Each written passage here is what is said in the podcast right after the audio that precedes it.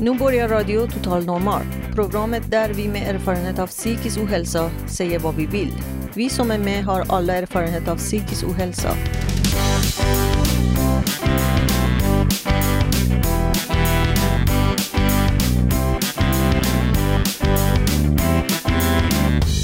Du lyssnar på Radio Total Normal 101,1 MHz.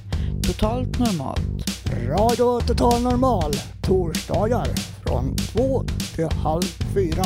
Vi livesänder med publik från Götgatan 38 i Stockholm. Kom hit och lyssna. Här är alla röster lika värda.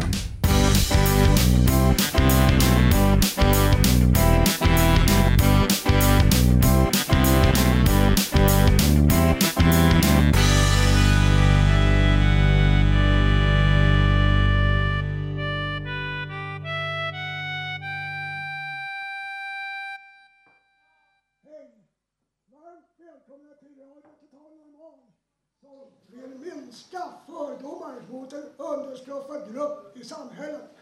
Vi som gör Radio Total Normal har egen erfarenhet av psykisk ohälsa. Idag så får vi följa med vår reporter Janne som går ut på stan och undersöker vilka rädslor som finns på stan.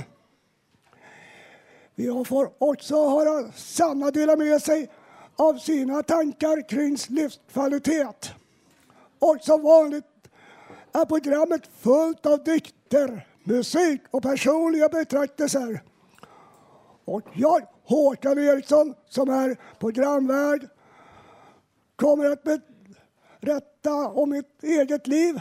Ni hör programmet på 101,1. Eller varför inte komma upp? Nu kör vi igång!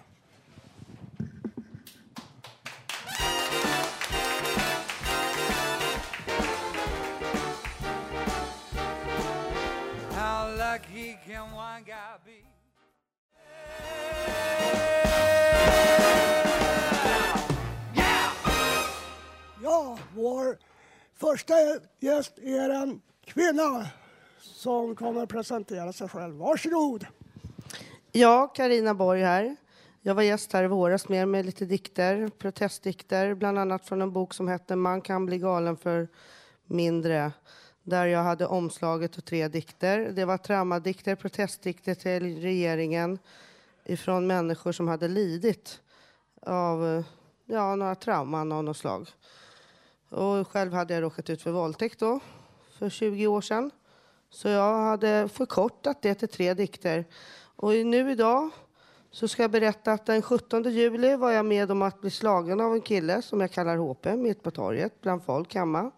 Det började med att han slagit mig två veckor innan också, eller en vecka innan får kanske var. Det är farligt med nackslag. Eh, röntgenrapporten efter att de kommit eh, tillbaks då från sin semester där den lät så här. Halsryck rygg med provokation. Ingen skelettskada eller prevertebral mjukdelsökning, ingen kotglidning, utretad lårdus, diskdegeneration och spondylos förändring i nivåer C5, C7, inbuktande små pålagringar utan större förträngning av foramina i samma nivåer. Jag har alltså bestående nackmen nu. Men jag vet ju inte hur länge det kommer hålla i sig, men så där lät rapporten. Och så tänkte jag då berätta vidare att eh, jag har klagat på vården och försökt att anmäla dem.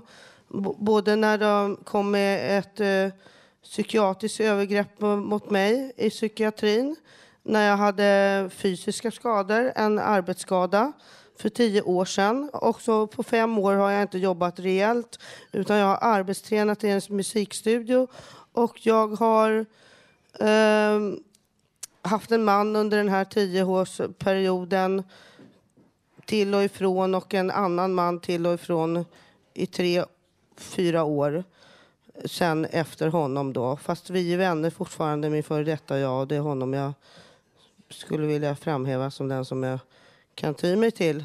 Som bryr sig om när jag känner oro och ställer upp. Det är väldigt viktigt att göra det för varandra i förhållanden.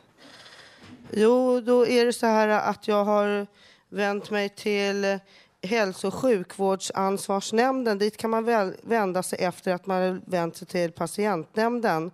Och eh, jag fick då ett, eh, eh, göra en röntgen bo, både för att titta hur hjärnan såg ut i sin helhet med slag och sånt och om jag hade några skador av det. Och jag bad och, husläkaren då att skriva en remiss också. Och, så att jag kunde få komma och titta på hur, hur skador såg ut psykiskt sett. Och eh, det resulterade i att eh, Jan Lindén, husläkare i Hökarängen och eh, Sergel Sveavägen, han eh, ringde upp och sa så här, du har inga neurologiska skador, din hjärna är frisk. Eh, utlåtandet var så här, DT hjärna utan intravenös kontrast. Ingen blödning eller expansivitet. Expansivitet vet jag att det är bra och har med nerver att göra och så, och att det är bra att det står. Inget uh, subduralt eh, he hematom. Det är att det är djupare skador och slag och sånt som kan ge kanske neurologiska skador och så. Det var ingenting där heller då på det. Inget sånt. Ingen gammal eller färsk infarkt påvisas, så det kan ju vara bra att veta. Eh, ventricklar och fåror har ordinär vidd, ingen fraktur. Men jag hade luftförande mastoida celler mellan öron och sinus. Det betyder inte att jag har tinnitus, utan jag har nedsättning på ena örat. Men det var ett väldigt bra utlåtande här, tycker jag.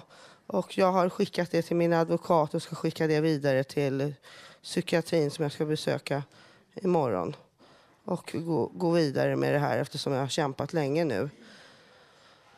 Ja, jag har skrivit eh, lite grann om jag ska möta nya människor. Om det ser ut att bli en skilsmässa med någon, med till exempel den här killen då, som, som slog och sådär, så kan jag tänka på att konfliktlösningar kan kräva förändring. Jag kanske ska bjuda på en fin måltid och piffa upp mig och då piffas ju stämningen upp. Man kan då tala lugnt och lyssna på varandra och undanröja missförstånd och i den tanken lägger optimism. Bakom skymtar därmed tankar som ska jag låta dig vinna? Vill du höra vad jag önskar? Vi har haft olika syn på ansvar av någon anledning. Det är därför det har uppstått konflikter. Lite tomma huvudet kan vi bli när vi känner att vi står i konflikt med någon och då känner vi oss lätt värdelösa. Men man betyder framför allt något för sin egen skull. Fast vilken väg man väljer på sin livsstig, då gör man nu bäst i att välja. Då. Eh, jag tror alltid att gå sin egen väg kan förhindra förbättringar. Och så skulle jag vilja berätta lite mer om att han har haft problem med en fru till en snart tioårig dotter. Att uh, han menade då eh, i bakgrunden när jag sa att din mamma har inte registrerat honom som, uh, Eh, som pappa ens åt dig och därför kan han inte få några fondpengar att åka med dig till Grekland för. Då sa han till sin dotter, jo, det är sant allt som Karina säger. Sedan skrek han stick, far åt helvete! Och han bara vrålade till mig och såg hotfull ut. Och så la han på luren och då började han ju grina och sa förlåt och stanna och nästan knedbjön, stanna här. Sådär liksom. Men dottern då såg inte hur han tog, att hur han tog konflikten för att kunna lära sig någonting av det. Och det är det att man osynliggör sånt här för barn. Men det de förstår, de förstår slag, de förstår att det kan bli slag. Jag har tidigare blivit slagen en gång när jag hade svarat i telefon och sagt ja hos ja, honom då.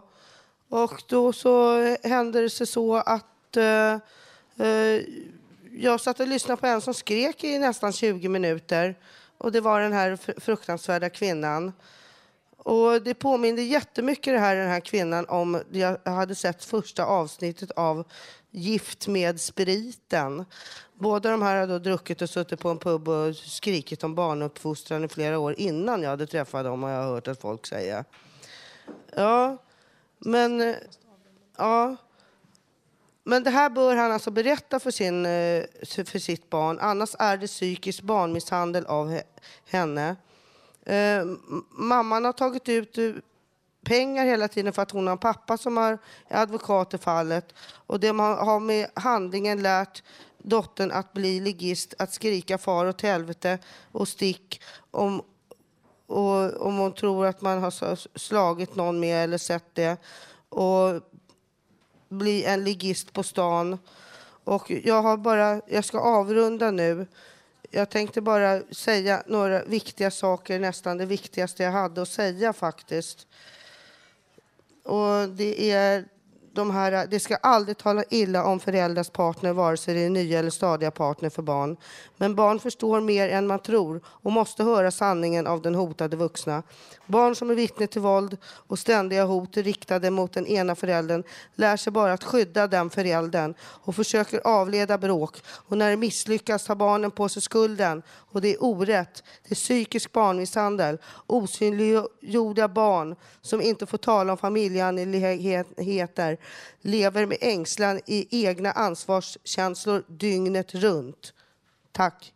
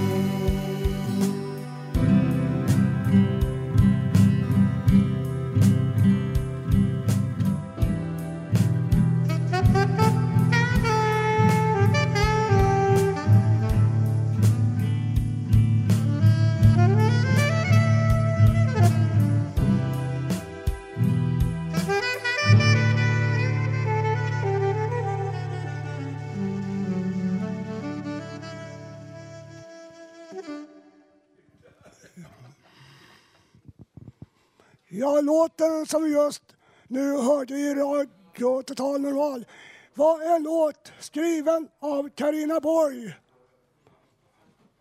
Och så Poesi i Radio Total Normal. Och nu sa jag Ulf Torell vid min sida som ska läsa en dikt för oss. Påsk var vår. Nu är 2009. Midsommar var juni. Jag är 56. Februari var vinter. Jag fyllde år 28. Idag är tisdag. Solsken sommar. Jag bor i Hammarbyhöjden. Igår var tisdag. Idag är tisdag. Solsken sommar. Jag bor i Hammarbyhöjden. Igår var måndag. Nu är det oktober. Ett fartyg reste seder 1969-70. En tid sedan. Jag var på, arbetade på när jag var ung. Båten kom bland annat till, ja, till Atlanten, Panamakanalen. Hamburg, Tyskland, Antwerpen, Belgien, på Sydamerika, morgonen i ljus. Efter tisdag 20 oktober.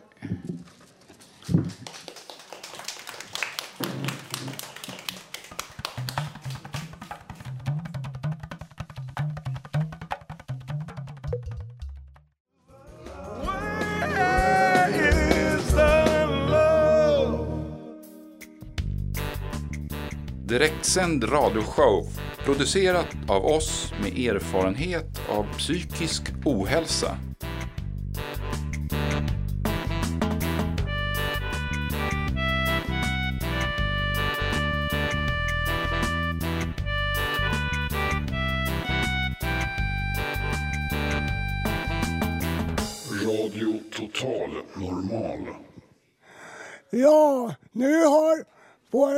Heter Janne Holmring kommit in från gatan till värmen och han ska prata om Fountain och eh, Radio Total Normal ska det vara.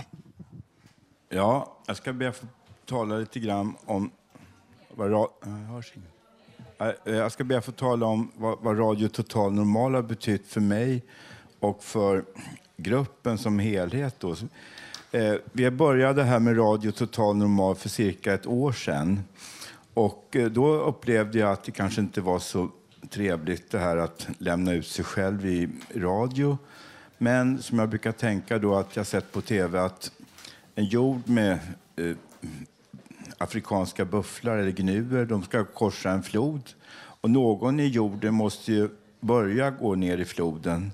Och sen följer alla andra med och då, då är, är risken mindre att någon krokodil tar alla på en gång. Utan då samarbetar de och det gör vi också här. Och eh, radion har inneburit, tror jag, för många här och för mig med då, att vi vågar säga saker i radio. Vi ska inte skämmas över vårt handikapp och våra funktionshinder utan vi ska informera om att vi, har, vi finns som en stor grupp och att vi också är lika likvärda som människor och att vi faktiskt har möjligheter att komma vidare men att våra sjukdomar många gånger är kroniska och långvariga och vi måste äta kanske läkemedel resten av våra liv.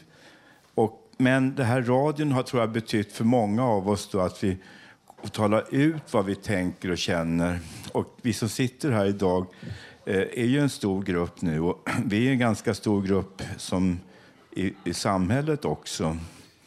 Och eh, jag tycker att den här radion har gjort jättebra ifrån sig. Och vi är stolt, jag är stolt över den här radion och jag är stolt över Robert och Karin, Susanna, Håkan, Bodil, Hanna.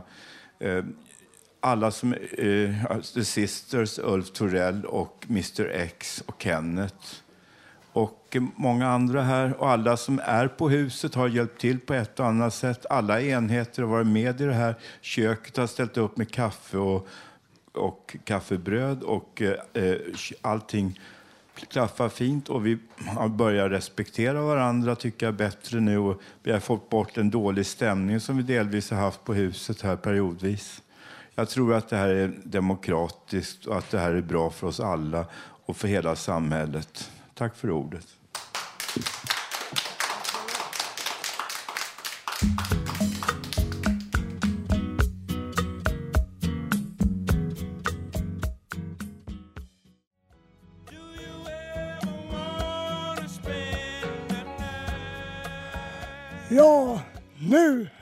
Ska presentera en av våra medarbetare här på Radio Total Normal, Susanna. Hon kommer förmedla sina tankar när det gäller eh, ja, tankar om livskvalitet. Varsågod Susanna. Tack Håkan. Jag tänkte berätta att eh, jag tänker ofta på livskvalitet. Vad det innebär för mig i min eh, vardag, dagliga livet. Det har jag börjat tänka mycket mer på senare tid. Då lyssnar vi på inslaget här.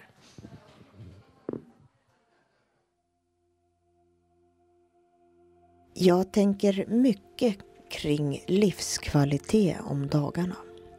Vad det innebär för mig.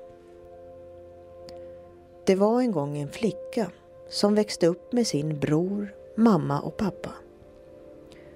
Mamman jobbade mycket på helgerna.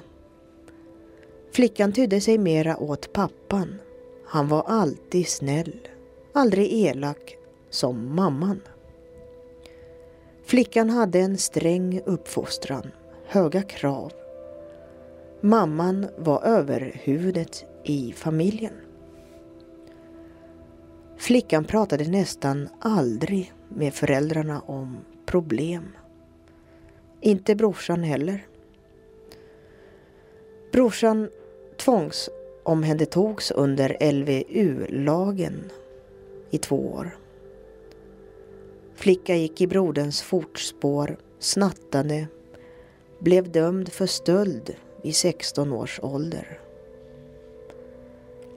Mammans matmissbruk eskalerade då hon slutade jobba som mentalskötare. Hon blev förtidspensionär vid 52 års ålder. Hon gick upp jättemycket i vikt och blev väldigt tjock på 11 år. Mamman orkar ej städa, vad jag vet. Brodern vill ej alls prata om detta. Detta har resulterat att livskvalitet är viktigt för flickan. Och jag känner henne ganska väl. Därför har jag gått runt på Fountain House och frågat personer kring livskvalitet. Framförallt så innebär det nog att vara trygg, att slippa vara rädd. Det är nog den viktigaste livskvaliteten som jag kan tänka mig. Och det innebär ju allt från att vara ekonomiskt trygg till att kanske framförallt känna sig trygg med sina medmänniskor och känna sig trygg där man bor. Det är livskvalitet för mig. Just nu för mig så är det nog det här grundläggande som jag tänker mycket på och försöker ordna i mitt liv. Så att jag vet inte vad som kommer sen. Sen kanske jag kommer att ha nära vänner, eh, ett roligt arbete. Eh, sen kommer fritiden i tredje hand tror jag. Att man har något roligt att sysselsätta sig med och sådär. Eh, få lite glädje i livet. Men framförallt trygghet tycker jag. Att inte behöva vara rädd. Det här gå på teater och gå på bio, det känns som någon liten... Det finns liksom i utkanten av ens tänkande. Det, det, är nästan så att man inte har krafter över för att det går så mycket kraft att tänka på tryggheten i livet. Alltså när man känner sig otrygg så kan man inte slappna av och ha det riktigt roligt. Det är som man inte vågar bara sätta sig och skratta på en bio när man går och oroar sig för sitt boende till exempel. Och då har man inte riktig livskvalitet. Ja, jag tror det är känslan i kroppen, i maggropen. Har man en oro i maggropen, då är man inte trygg, då har man inte riktig livskvalitet. Och sen när den där äh, spänningskänslan släpper, då ökar ju glädjen och då ökar, man känner sig avspänd, mer och mer avspänd. Då ökar ju livskvaliteten. Så jag, jag går på kroppskänslan, magkänslan. Det viktigaste är ju att att vara, få vara frisk. För jag har själv varit sjuk nu ett halvår. Jag har haft cancer och jag vet, då är det viktigt att vara frisk. Jag fick eh, sex eh, cellgiftbehandlingar och eh, jag slutade, i, jag fick cancer i oktober men tog sista behandlingen i mars. Och sen fick jag besked i maj att eh, den, var, den var försvunnen en i lymfkörteln. Det är livskvalitet och sen att man träffar människor och har något att göra. Och jag har gått på Fountain House i tio år. Så, så här tycker jag det är bra. Och eh, jag har provat med träfflokal förut men det är, det, det är mindre på något vis. Men här träffar man mera och, och här får man vara med och precis som på ett jobb kan man säga. Hur mäter du din livskvalitet? Eh, jag mäter ju den liksom eh, eh, hur jag får eh, struktur på dagen till exempel. Att jag går upp på morgonen och att jag gör, jag bor ensam så att jag gör vad jag ska göra och, och motionera är viktigt. Och så komma hit till Fountain House. Um, så har jag en katt som jag tycker om mycket. Det är också livskvalitet. Och, ja, jag får det att fungera. För jag märkte nu när jag var väldigt sjuk, när jag låg i cirka två månader och fick eh, begära hjälp av, med allting. Att då, då är livskvalitet att liksom klara sig själv. Och, och klara sitt eget eh, vardagsliv. Det är livskvalitet. Klara sitt eget vardagsliv. Ja, gå upp och duscha och tvätta sig och kunna gå och handla. Och, ja, och så göra någonting på dagen. Jag tycker liksom, man märkte här på Fountain House när jag kom hit för tio år sedan. Det, man, man stöttar varandra och hjälper varandra liksom. Det, och ingen, det behöver inte vara någon stress. Man kan jobba så mycket som man orkar.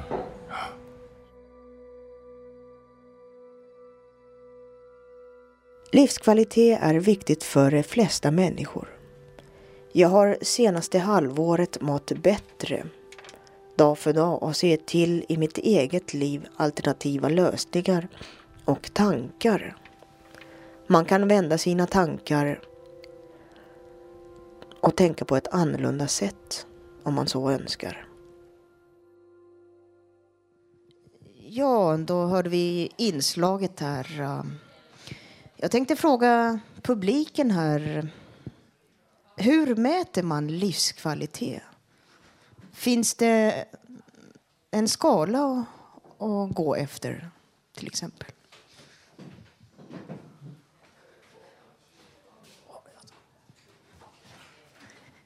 Hejsan systrarna, sisters.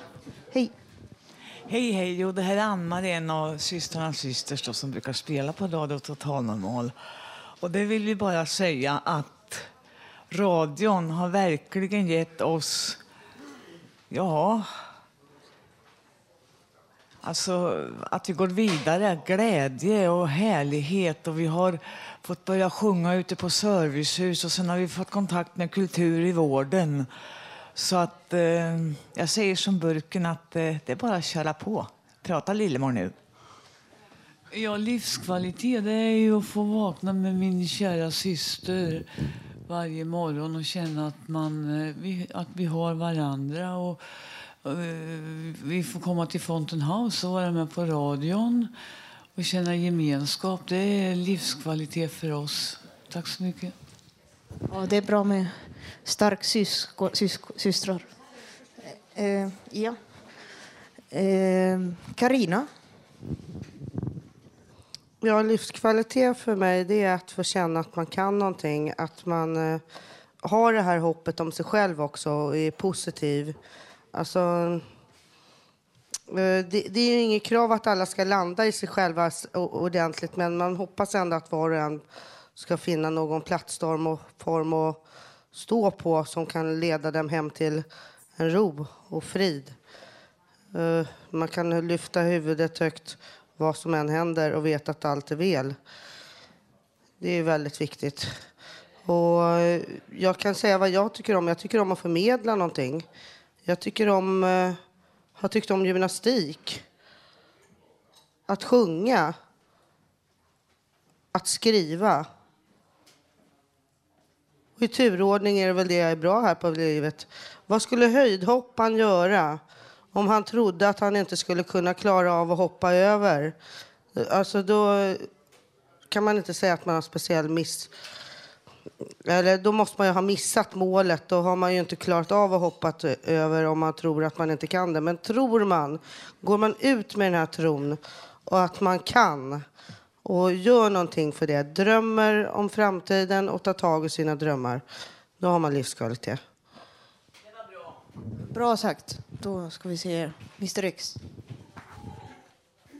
Ja, det var ganska intressant. Det var ett par reportrar här och jag talade med dem och då kom vi in lite grann på det här, just, just, just det här med Fountain House också. Det är arbete och gemenskap och så vidare. Men när man ska iväg och skaffa sig ett riktigt arbete, då är det, du pratar om att hoppa över höjdhopp här, att där har man verkligen lagt ribban för hög när det gäller att uppfylla alla sociala krav och, och inbillade sociala krav och, och, och förutfattade meningar om att folk inte kan sköta sig på sin arbetsplats. Det är ju, utav psykospatienterna är det drygt två tredjedelar som blir nästan helt återställda. Så att det ska finnas en möjlighet att komma i arbete så att man får pengar.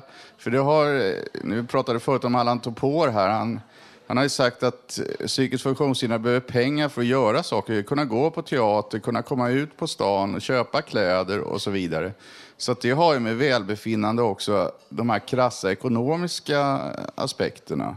Men naturligtvis är det ju viktigt med relationer och alla sådana saker och känsloliv och, och sånt också. Men det fokuseras så mycket på det utan att man tänker på att det måste också finnas medel för att förverkliga de här sakerna. Just det. Håkan. Ja, en viktig sak som jag tycker är livskvalitet också, det är att om man ligger sjuk hemma och att det är någon som ringer till en och frågar hur det är och att man får känna att man är saknad och får känna det där att det lilla man än gör, att man får den här uh, tacken för det och uppskattas för det. Det är livskvalitet för mig. Och fina kamrater dessutom som förstår en och som också har samma problem som också kan ha samma problem men förstår bättre då än alla experter som påstår att de, ja, de är bra, bra, bra. Men jag tror att de som har mest lidande förstår det bäst och kan hjälpa åt, stötta varandra också. Ja, då eh, Robert vill säga något. Ja, för mig, jag har varit sömnlös många år och pendlat och bara snurrat runt mellan säng och dator och tavlor. Och då kan det ju vara livskvalitet att uh, kunna greja detta och fatta att det faktiskt är en, ett, ett, ett privilegium att kunna greja sådana saker som många människor inte ens kan fatta kan vara några problem. Okej, okay, tack. Okej, okay, Janne. Jag skulle sammanfatta det så kort och gott att vi är faktiskt experter på oss själva och vi är delvis också lärare då till sjukvårdspersonal, särskilt då inom psykiatrin. Tack. Tack så mycket.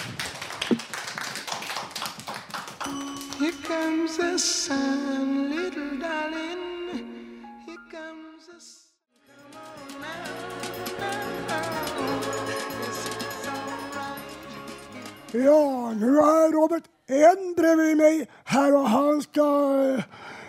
Det är ett äh, debattinlägg. Varsågod Robert. Jag har här ett debattinlägg som jag helt enkelt kallar djurpark. Visst, ni säger att det inte finns fega människor i våra grupper. Ni säger att det är snälla killar, de allra flesta av dem som har det som oss. Det kan nog vara så. Ni är inte alla och alltid. En kille som vet var han kan få tag på något han behöver, han, bly, han blygs nog inte om det nu är serverat som det är bjudet. Även han vet ju hur det är att vara pank, att inte ha någonstans att bo, att få, få stryk 35 gånger i veckan om det är så illa. Även han har nog fått stått med mössan i handen, klädsamt framåtböjd, med blicken kuvad i marken, för någon som man anser att nu är det han som bestämmer. Men det där är väl ingenting. Folk, folk som er, tänker ni väl? Folk som oss. Vad ska jag säga? Det är serverat som det är bjudet.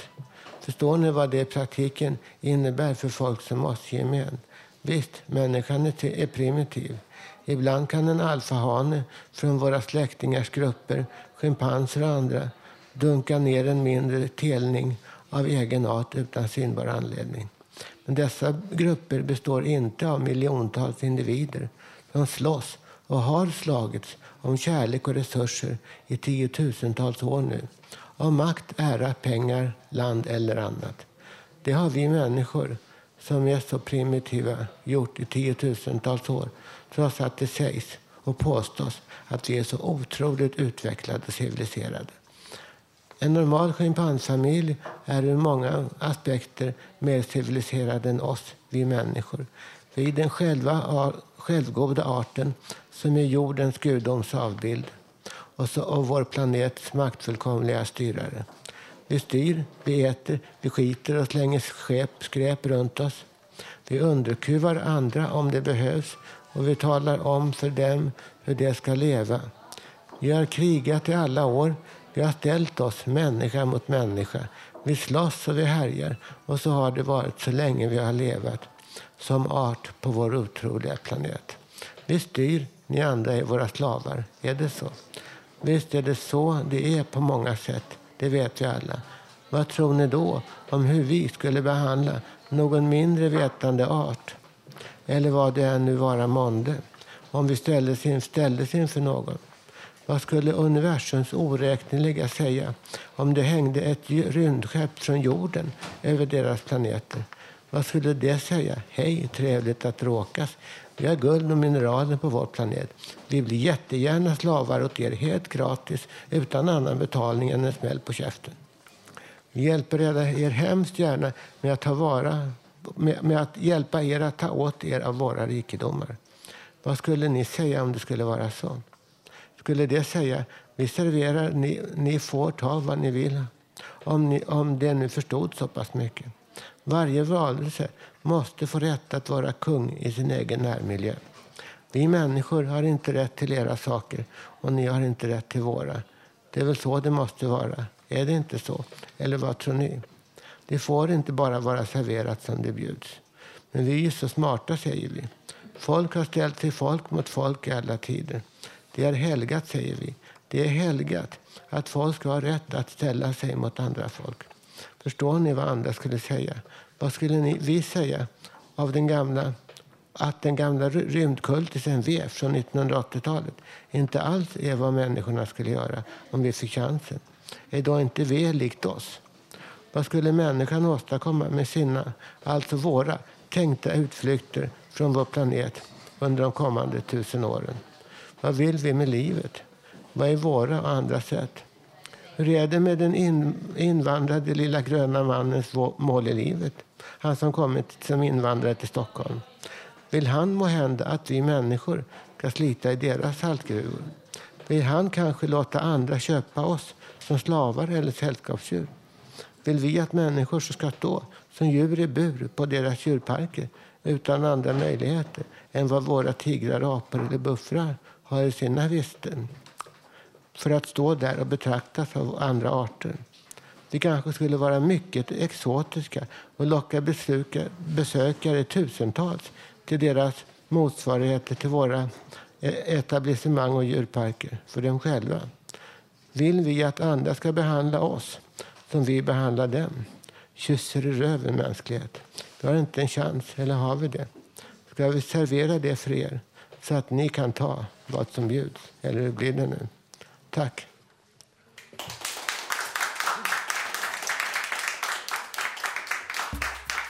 It's my birthday.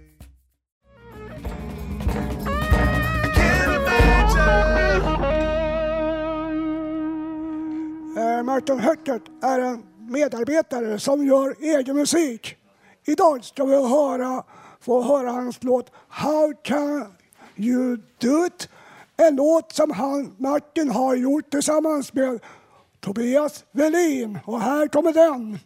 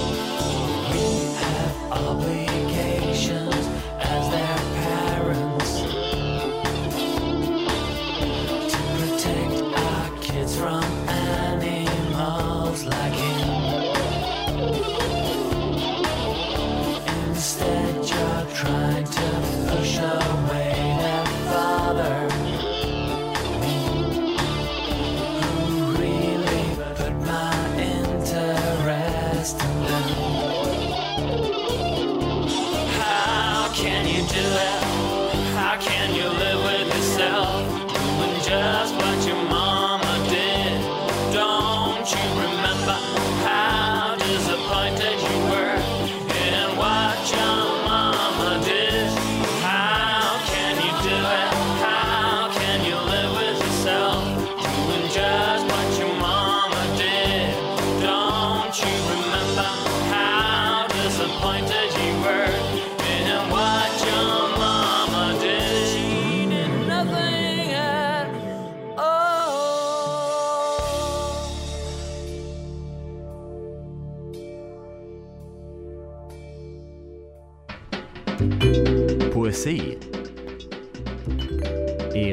totalnormal. Nu ska vi höra Karin Lundgren som läser sin egen dikt Steriliserad.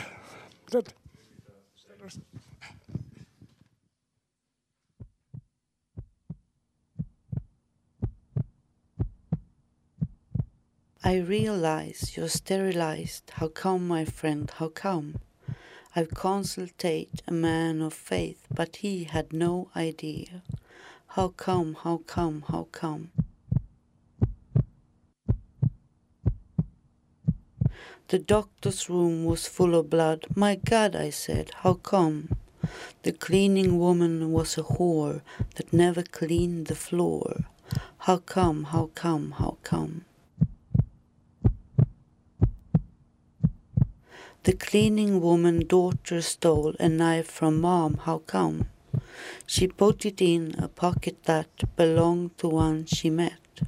How come, how come, how come? The stranger that was engineer drank twenty beers, how come?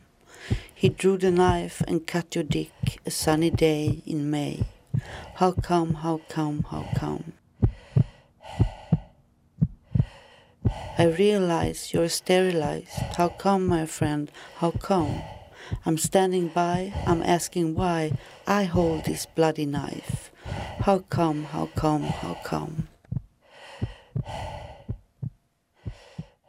Ja, nu vill jag presentera vår välkomna radio-totals-normalt skönsjungande tvillingpar Ann-Marie och Lillemor Risberger.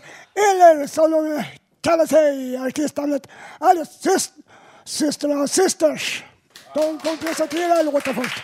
Ja, det, Och var, här kommer den. det var en fin presentation och eh, vi tycker att det är jättefint och roligt att vara med bland alla kamrater här. Och den här första låten här nu, det är en Elvis-låt, When my blue moon turns to gold again. Och eh, samtidigt vill vi slå ett slag för nästa helg, 31 i tionde, är det en stor Elvis-festival nere på Stadshotellet i Västerås. Ann-Marie och jag ska åka ner dit naturligtvis. Eh, om ni vill åka ner dit så är inträdet på Stadshotellet är 195 kronor. Många fina Elvis-kopior som bland annat Svenne Hedlund och Sveriges Elvis Tord Jansson. Nu kommer låten.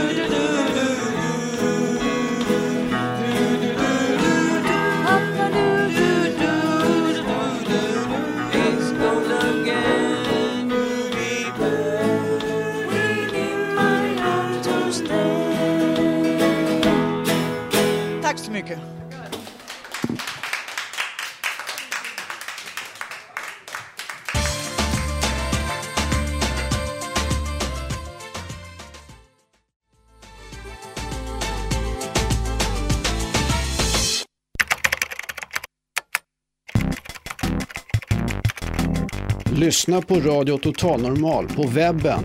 www.radiototalnormal.se Ja, jag som är dagens programvärd Håkan Eriksson ska prata lite om mina erfarenheter om livet. Jag har varit förtidspensionär i många år och jag har haft flera perioder som jag var rastlös. Då tog jag nattpromenader eller åkte någon nattbuss till en pendel och åkte tillbaka med första turen. Även om min ekonomi var dålig.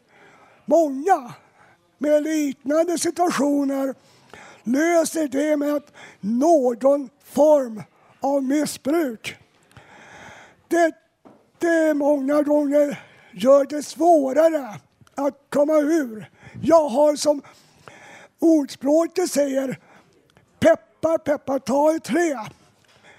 Att jag har en underbar kvinna som bokar ett studiebesök här på Fountain House. Och sen radion kom till här på Fountain House så har den hjälpt mig mycket.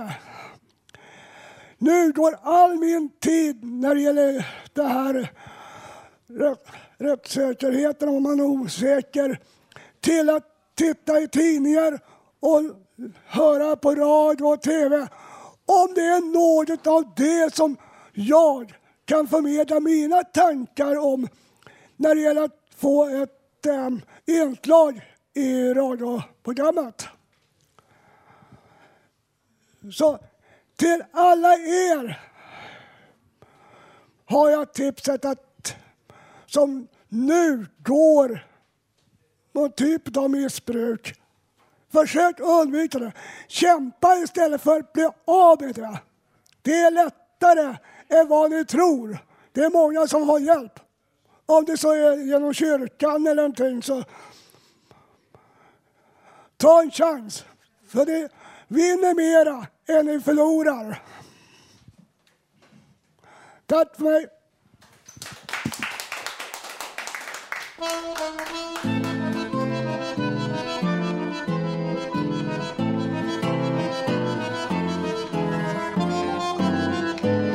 Radio Total Normal. Sänder över la galaxia.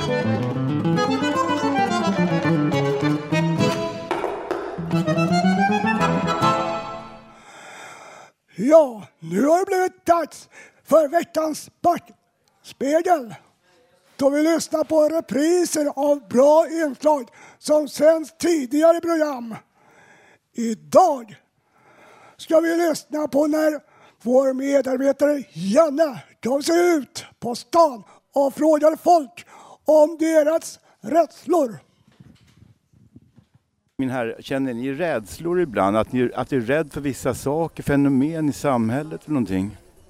Nej, mindre det än en mer eh, normal ångest. Utan Har du ångest ibland? Ja, det har jag liksom och eh, så lite tvångs...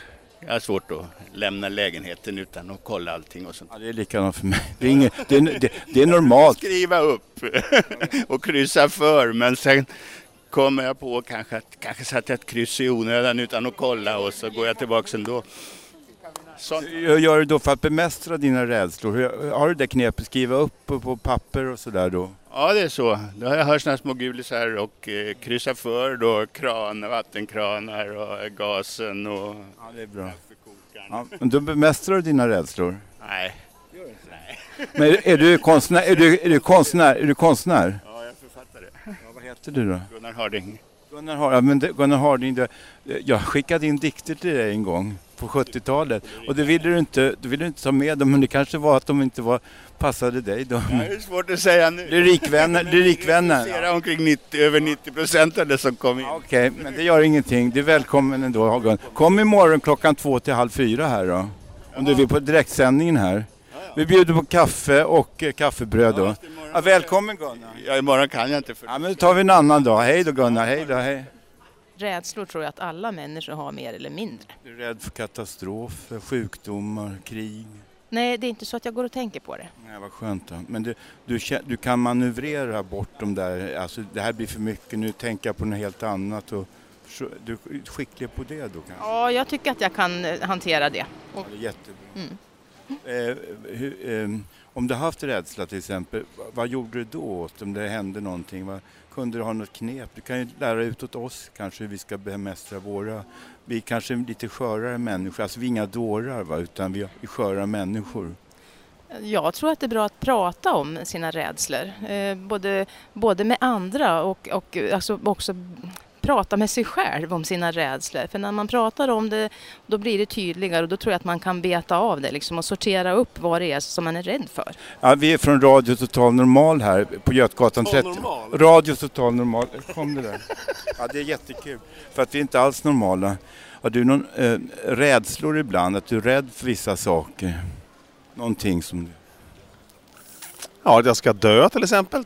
Är du rädd för just döden då? Eller vad som innebär dö eh, själva dödsögonblicket? Hur eller när och var du ska dö? Jag tycker jag har en massa saker som är ouppklarade som jag vill göra. Jag har så mycket... Jag är så sugen på att göra tusentals miljarder saker. Jag har alltid hållit på och gjort tusen miljoner saker och jag känner att jag är mitt i alltihopa och vill fortsätta. Och så det var en kamrat till mig som jag spelade med för massa år sedan som dog i somras, 50 år, bara knall och fall. Och då får man ju lite perspektiv på det hela så att säga. Känner du, känner damen rädslor ibland? Att du är rädd för saker och ting? Obehagliga saker som du liksom måste kämpa emot liksom? Eh, ja, ibland. Jag vet inte, jag kommer inte tänka på något speciellt just nu men det gör jag väl. Vad är det någonting då? Vad är det för någonting du tänker på? Jag vet inte, typ mitt undermedvetna. Du, har du obehagliga drömmar på nätterna och sånt där eller? Nej, det har jag faktiskt inte. Jag brukar inte drömma så mycket. Nej, man glömmer bort kanske mycket när man drömmer. Ja. Vad jobbar du med för fråga? Jag eh, börjar gymnasiet nu. Hej då! Ha det så bra, tack. Detsamma, tack. Är du rädd för någonting? Ja, man är rädd för att gå ut på kvällen själv. Något annat då? Nej, jag är inte rädd. Vad gör du då om du vill gå ut på kvällen själv och är rädd? Jag inte. Gör inte det, du undviker det då. Nej, för att eh, jag har min, jag har tre barn och en son har blivit slagen här på, på kvällen på natten när han har varit ute. Då blev jag rädd. Då, jag låter inte mina barn gå ut här. Jag säger till dem, då får åka taxi hem eller säger jag hämtar dem. Jag förstår. Jag är inte rädd för psyksjuka, det är jag inte. Nej, vi är inte farliga alls, alltså, det är tvärtom. för psyke, för jag jobbar genom sjukvård med själv. Jag har jobbat med psykiatri också. Jag jobbar med psykiatri, nu jag jobbar med vanliga vård. Jag jobbar på akutsjukhus, jag jobbar medicin, kirurg. Men när man har den här psykiska sjukdomen då vet man hur man ska bära sig åt också för att bemästra sin egen rädsla. Jag är rädd också ibland, faktiskt varje dag lite grann. Vissa saker är obehagliga. Vad tycker du då Hanna, vad är du rädd för? Och jag är rädd för ganska mycket faktiskt. Specifikt, som det värsta scenariot? jag är rädd för att folk som jag älskar ska dö. Ja, det menar jag. Ja, det är inte, jag tänker inte så mycket på döden. Det är klart, det är, varje dag tänker jag ju på det men, men att eh, det är ju så det är. Va? Det är inte liksom ja, jag är väl mer rädd för kanske, ja, alltså jag är väl mer rädd för sånt som jag inte, rädslor som kommer inifrån och som jag eh, inte vet var de kommer ifrån. Om, får, om jag får tillbaka den här psykosen då hade jag varit ganska rä- rädd. Alltså. Det hade varit jobbigt. Tycker jag ser ut, där ser Tage. Hej, är det Tage G Pettersson? Ja. Hej, får jag bara ställa en fråga? Ja, får jag fråga dig en sak? Ja, det är ingen tidningsintervju eller någonting. Radio, det är helt diskret det här. Helt diskret. Jag är själv socialdemokrat Tage. Och jag vill bara fråga en sak. Vad är du rädd för mest av allt? ohälsa för mänskligheten. Något annat då? Nej, jag tycker det, det är nog det. Det räcker med det. Tack snälla Tage. Det var kul. Nu har vi intervjuat två, Gunnar Harding och Tage G Pettersson. Du ser ju själv vad kul det är att leva. Livet är stenkul, tro på mig gör tjej. Baby love, reach out and touch somebody's hand. Make this world a better place if you can. Reach out and touch somebody's hand. Make this world a better place if you can.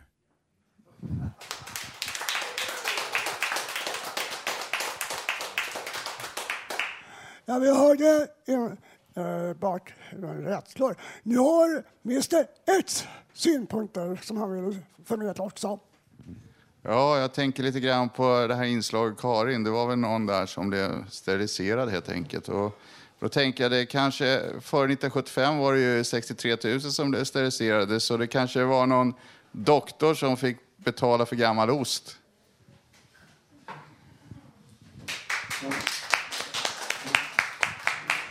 Ja, så har vi vår medarbetare Karina Borg också som vill säga lite. Ja, nu har ju nya Moderaterna sagt att det ska komma ett gemensamt bidrag för de som inte arbetar. Full sysselsättning hette det i valet när de vann. Socialbidrag ska det heta. Och det har sagt att det ska vara eh, avrundas en del då inom eh, Försäkringskassan för eh, pensioner och sjukbidrag som jag tycker att jag har uttryckt det här. Vad tycker vi här inne om det här?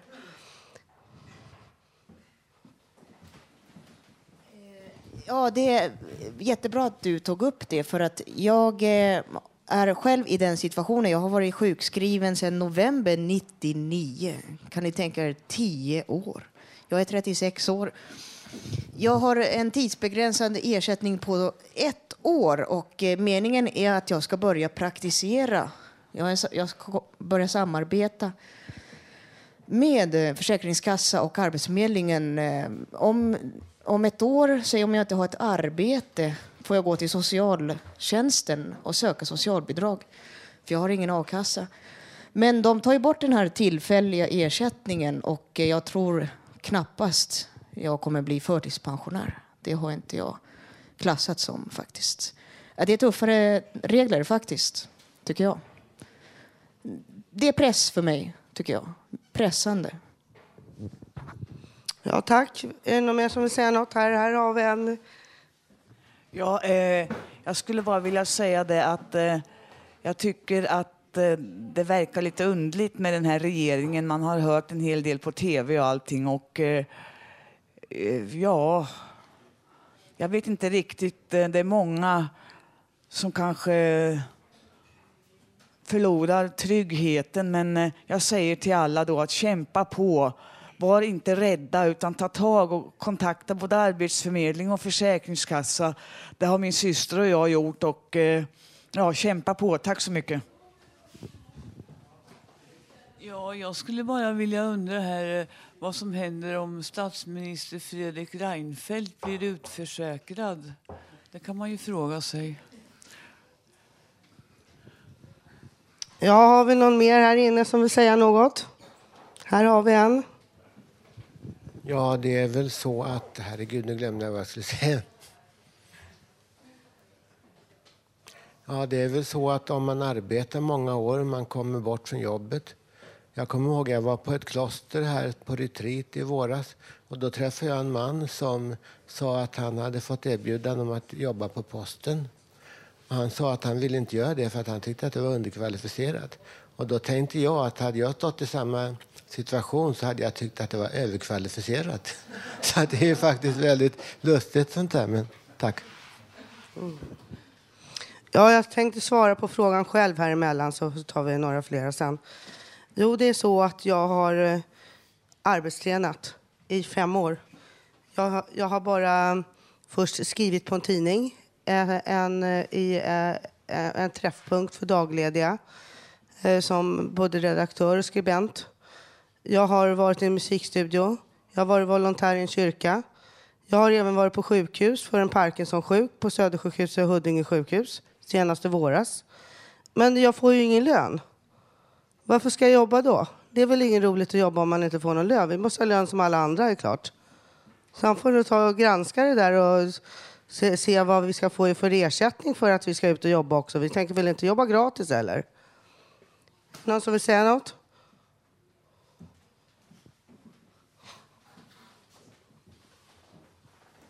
Jo, men det är väl klart att man inte ska jobba gratis, men det är ju svårt sånt där. Utan, jag vet inte, man får väl... Ja, för det första ska man ha lunch och man ska inte jobba för många timmar. Det kanske räcker med några timmar en gång i veckan. Det är klart att man ska ha lite, ska ha lite betalt. Men frågan är ju om man ser krasst på det. Liksom. Vad är framtidsutsikterna? Ja, tack. Då är det dags för att avsluta det här programmet. Ska vi se vad som händer här borta då? Ja, ett litet inlägg här. Ja, jag har en kamrat här som heter Anders som brukar vara här. Och han skojar med mig och säger så här, han har ju läst matematik eh, och allt möjligt tekniska eh, ämnen på Tekniska högskolan. Han brukar skoja med mig och säga så här, karriären är kortare än studietiden. Tack.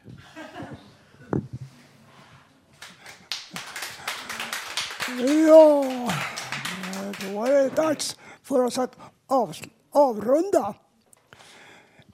Eh, har ni missat något i dagens program, gå då in på www.radiototalnormal. Där kan ni lyssna på programmet i efterhand.